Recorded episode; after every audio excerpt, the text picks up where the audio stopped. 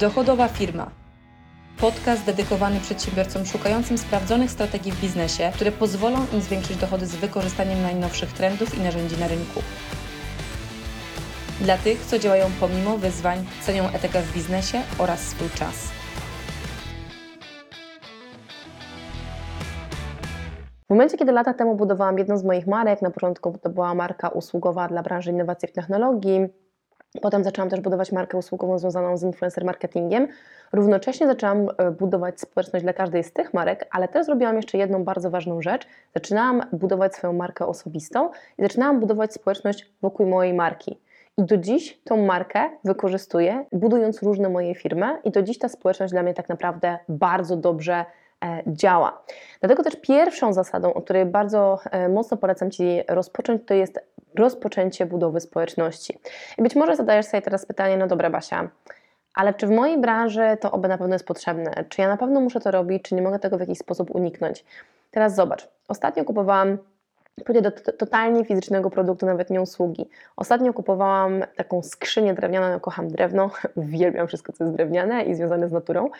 Kupowałam taką gigantyczną skrzynię drewnianą na moje maty do jogi i inne rzeczy. I pierwsza rzecz, którą zrobiłam w tym momencie, kiedy wyszukiwałam te produkty, to dla mnie było bardzo ważne, po pierwsze, jak zobaczyłam, że jest marka, która ma i fajne napisy na tych skrzyniach i bardzo widać, że w fajny sposób to wszystko robi, to pierwsza rzecz, której szukałam, to szukałam tej marki na Instagramie, bo to jest mocno wizualny kanał, ponieważ chciałam zobaczyć ich ofertę nie tylko na stronie, tylko jestem już tak nauczona, że jeżeli ktoś dobrze prowadzi swój kanał w mediach społecznościowych, to automatycznie wiem, że de facto chcę zobaczyć, co jeszcze tam mają, jak to fajnie prezentują, bo do tego jest właśnie kanał w mediach społecznościowych. I nawet w takich produktach jak skrzynie drewniane, czy produkty drewniane, które są ręcznie robione, również można bardzo fajnie budować społeczność wokół ludzi, na przykład, którzy lubią produkty z drewna do domu. Tym bardziej, jeżeli na przykład działasz w branży, czy to usługowej, czy technologicznej, e, czy chcesz działać w branży, która faktycznie ma więcej interakcji z człowiekiem na co dzień i nie wymaga tylko i wyłącznie automatycznej sprzedaży, ale wymaga kontaktu, to tym bardziej budowa społecznej dla społeczności jest mega istotna. Czasami ludzie mają wrażenie, że y, społeczność dobrze działa tylko w usługach czy szkoleniach, ona zadziała nawet jeżeli sprzedajesz na przykład technologię dla branży medycznej, bo społeczność może być wokół tematów, które akurat te osoby dzisiaj interesują. Dlaczego? Dlatego, że w dzisiejszych czasach gdzie szukamy informacji? No szukamy ich w internecie. Więc skoro wszyscy szukamy tych informacji głównie w internecie, to dlaczego nie miałbyś tego kanału wykorzystywać, by ktoś mógł poznać Twoją markę, narrację Twojej marki, historię za Twoją marką?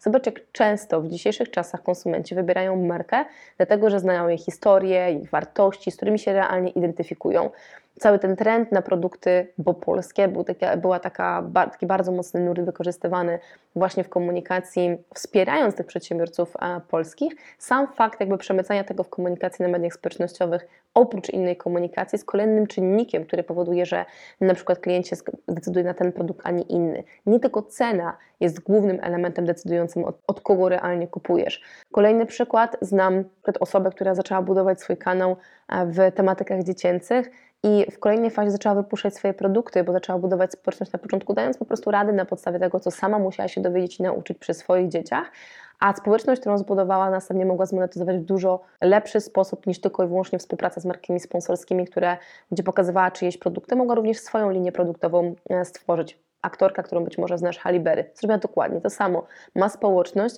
i, i zaczęła mm, produkować, mm, stworzyła markę właśnie z produktami dla mam, będąc sama mamą. I teraz można do tego podejść dwustronnie, bo możesz rozpocząć budowanie społeczności, a potem je monetyzować, albo podejść do tego zupełnie inaczej, czyli świadomie zacząć e, budować społeczność, ponieważ wiesz, w jakiej branży i w jakiej niszy chcesz pozyskiwać klientów, a im lepiej Cię osoby będą znały, tym szybciej wybiorą, wybiorą Ciebie, a nie kogoś innego. Budując taką markę, budując społeczność wokół Ciebie, dlaczego ta społeczność jest taka istotna? Dlatego, że ludzie identyfikują się z ludźmi. My kupujemy od ludzi, nie kupujemy od y, bezosobowych firm, bezosobowych podmiotów.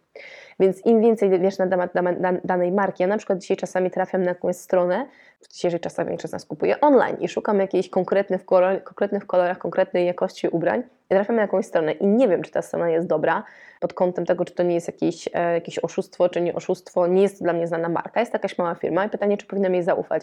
Więc co robię jako pierwszą rzecz? Sprawdzam tą osobę, czy ten podmiot w mediach społecznościowych. To jest pierwsza rzecz, którą w ogóle robię. Więc ty powinieneś również zadbać minimum o jeden kanał, gdzie tą społeczność wokół swojej marki zaczynasz budować. Nie tylko dlatego, że ktoś Ci będzie sprawdzał, ale dlatego, że to będzie pierwsze miejsce, gdzie będziesz budował zaufanie w, w stosunku do swojej marki. W drugiej kolejności to, co warto zrobić, to sprawdzić, co już ma popularność. Tutaj zasada tego, że jest konkurencja, o, czy na pewno jest miejsce dla mnie, to jest w ogóle nie ten kierunek, gdzie Twoja głowa powinna uciekać. Pierwsza rzecz, której powinieneś pomyśleć, jeżeli widzisz, że jest konkurencja w danym obszarze, w danej kategorii, w której de facto również Ty chcesz się pojawić, to znaczy, że jest super. To znaczy, że są ludzie, którzy również będą mogli skorzystać z Twojej propozycji. Więc sprawdź, w zależności od tego, gdzie jest Twoja konkurencja, czy to będą blogi, czy będą prowadzili bloga, czy będą prowadzili YouTube'a, czy może jakiś inny kanał na mediach społecznościowych, sprawdź, co ma największe zasięgi, gdzie jest największe zaangażowanie, sprawdź, e, co powoduje faktycznie, że ludzie są tym zainteresowani. Każdy kanał oczywiście ma swoją specyfikę. Na YouTube to będzie liczba wyświetleń, opis tego tematu, na Instagramie to będzie kwestia tego, która z marek ma największy tak zwany following, czyli ile osób ich obserwuje, gdzie ma największe zaangażowanie patrząc na posty, bądź media społecznościowe, wykorzystywanie Instagrama pod kątem storiesów, tak, która robi dobrze, fajnie storiesy, gdzie z czego też możesz różne fajne rzeczy podłapać. Nie mówię kopiować, absolutnie, ale zobaczyć, co fajnie dla nich działa. To, jest dla Ciebie, to dla Ciebie powinna być inspiracja, ale nie źródło kopiowania. Absolutnie nie, ponieważ potrzebujesz mieć swój charakter, swoją markę. Patrząc na to, co na rynku już jest, co się już sprawdza, kto w wyszukiwarce pod jakimi hasłami pojawia się jako pierwszy, to dla Ciebie powinny być poszlaki na temat rynku, jako jeden z elementów badania tego rynku, żeby zrozumieć, kto do jakiej grupy docelowej już dociera i na przykład do kogo Ty mógłbyś zacząć adresować swoją komunikację i co powinno być Twoim wyróżnikiem na tle pozostałych osób, które na tym rynku się już znajdują. Przykład jednej z moich klientek, która poszła w branżę usług marketingowych i mogłaby generalnie adresować całą masę różnych podmiotów na rynku, ale zamiast tego adresuje tylko firmy, które zajmują się e-sportem. I to jest jej nisza, którą bardzo dobrze adresuje. Również w usługach czy w produktach indywidualnych spokojnie możesz taką niszę znaleźć, bo person, typ ludzi, do których docierasz, jest bardzo wiele. Na przykład, jeżeli byś ubierała kobiety, to pytanie, czy chcesz ubierać kobiety, które są mm, businesswomen, czy kobiety, które mm, są bardziej, te nie, nie działają po prostu w stricte gdzieś tam w dużych firmach, korporacjach, tylko bardziej kobiety, które na przykład są influencerkami i dla których ten wygląd też jest super istotny pod kątem wizerunku, który budują. Czyli do kogo tak naprawdę chcesz adresować swoją ofertę? Tak jak ja kiedyś wybrałam fotografa, który się stricte personalizował w personal brandingu, fotografii takiej personalnej, nie eventowej, nie ślubnej, tylko stricte właśnie takich marek osobistych. Co oczywiście dla mnie było bardzo ważne, ponieważ to ta osoba faktycznie będzie de facto rozumiała, o co mi chodzi i dobrze przeprowadziła ze mną wywiad, planując taką sesję, było kilka lat, kilka lat temu, planując taką sesję, która miała oddać ten wizerunek, na którym mi faktycznie zależało, który chciałabym, żeby był spójny ze mną. Więc pamiętaj, że zarówno w ofercie do klienta indywidualnego czy biznesowego ta sama zasada ma miejsce. I im bardziej głęboka będzie nisza, ale równie duża na rynku, tym szybciej będziesz budował portfolio potencjalnych klientów, bo będziesz się wyróżniał na tle konkurencji. Trzeci bardzo ważny aspekt to jest wybór modelu działania. Na samym początku, kiedy masz bardzo, małe, mm, bardzo małą społeczność, czyli społeczność dopiero rośnie, ma może pierwszy tysiąc, dwa osób, które Ciebie obserwują, może zacząć od tego, że współpracujesz z klientami indywidualnie, na przykład świadczysz usługi, czy świadczysz wykonanie na przykład jakichś produktów e, dla, na indywidualne zlecenia. Masz pewną kategorię jakby oferty, którą proponujesz, natomiast jesteś trochę bardziej elastyczny, bo uczysz się tego rynku. I w tym momencie to jest ok. Natomiast to, gdzie dalej możesz pójść, podam Ci na przykładzie właśnie jednej z bardzo fajnych marek na rynku polskim, która się super rozwinęła. Dziewczyna, która zaczęła budować swoją e, markę osobistą, swoją e, tematykę akurat na Instagramie w temacie porządku, porządku w domu, w różnych obszarach. Na początku świadczyła takie usługi jeden na jeden, później zaczęła produkować produkty digitalowe, które były produktami faktycznie już takimi sprzedawanymi jeden e, poprzez kanał mediów społecznościowych jeden do wielu, czyli nie było interakcji jeden na jeden, żeby to sprzedać, tylko osoby, które ją obserwowały, chętnie sięgały po produkt, który kosztuje na przykład 100 ile złotych, 100 ile złotych czy 200 ile złotych, bo nie jest to bardzo wysoka cena, żeby musieć rozmawiać jeden na jeden. Z tego następnie poszła już mając coraz większe, coraz większe zasięgi, zaczęła współpracę z markami pod kątem model monetyzowania tego, tego kanału z wykorzystaniem tak zwanych postów sponsorowanych, czyli współpracę z markami, które również do jej grupy docelowej chcą dotrzeć, a gdzie ta komunikacja jest spójna z nami, faktycznie dane produkty jest w stanie zarekomendować. Następnym elementem, który pomyślała, ok, to ja mam te e, osoby, które ze mną rezonują, to nie są tylko osoby indywidualne, ale również osoby, które mogą mieć taki zawód. Więc kolejne miejsce stworzenia produktu digitalowego, produktu edukacyjnego, szkoleniowego, który faktycznie do tej grupy może dotrzeć, dociera i są osoby, które dzięki niej mogą również zacząć zarabiać pieniądze w ten sam sposób, który ona realizuje, przy na przykład współpracach indywidualnych z klientami. Dlatego też czwarta zasada, o której mówię, to zawsze jest zasada najpierw postaw na kontakt osobisty z wykorzystaniem właśnie online, no bo to pozwoli Ci zrozumieć, jak osoby wchodzące w interakcję z Tobą w tych kanałach podejmują decyzje.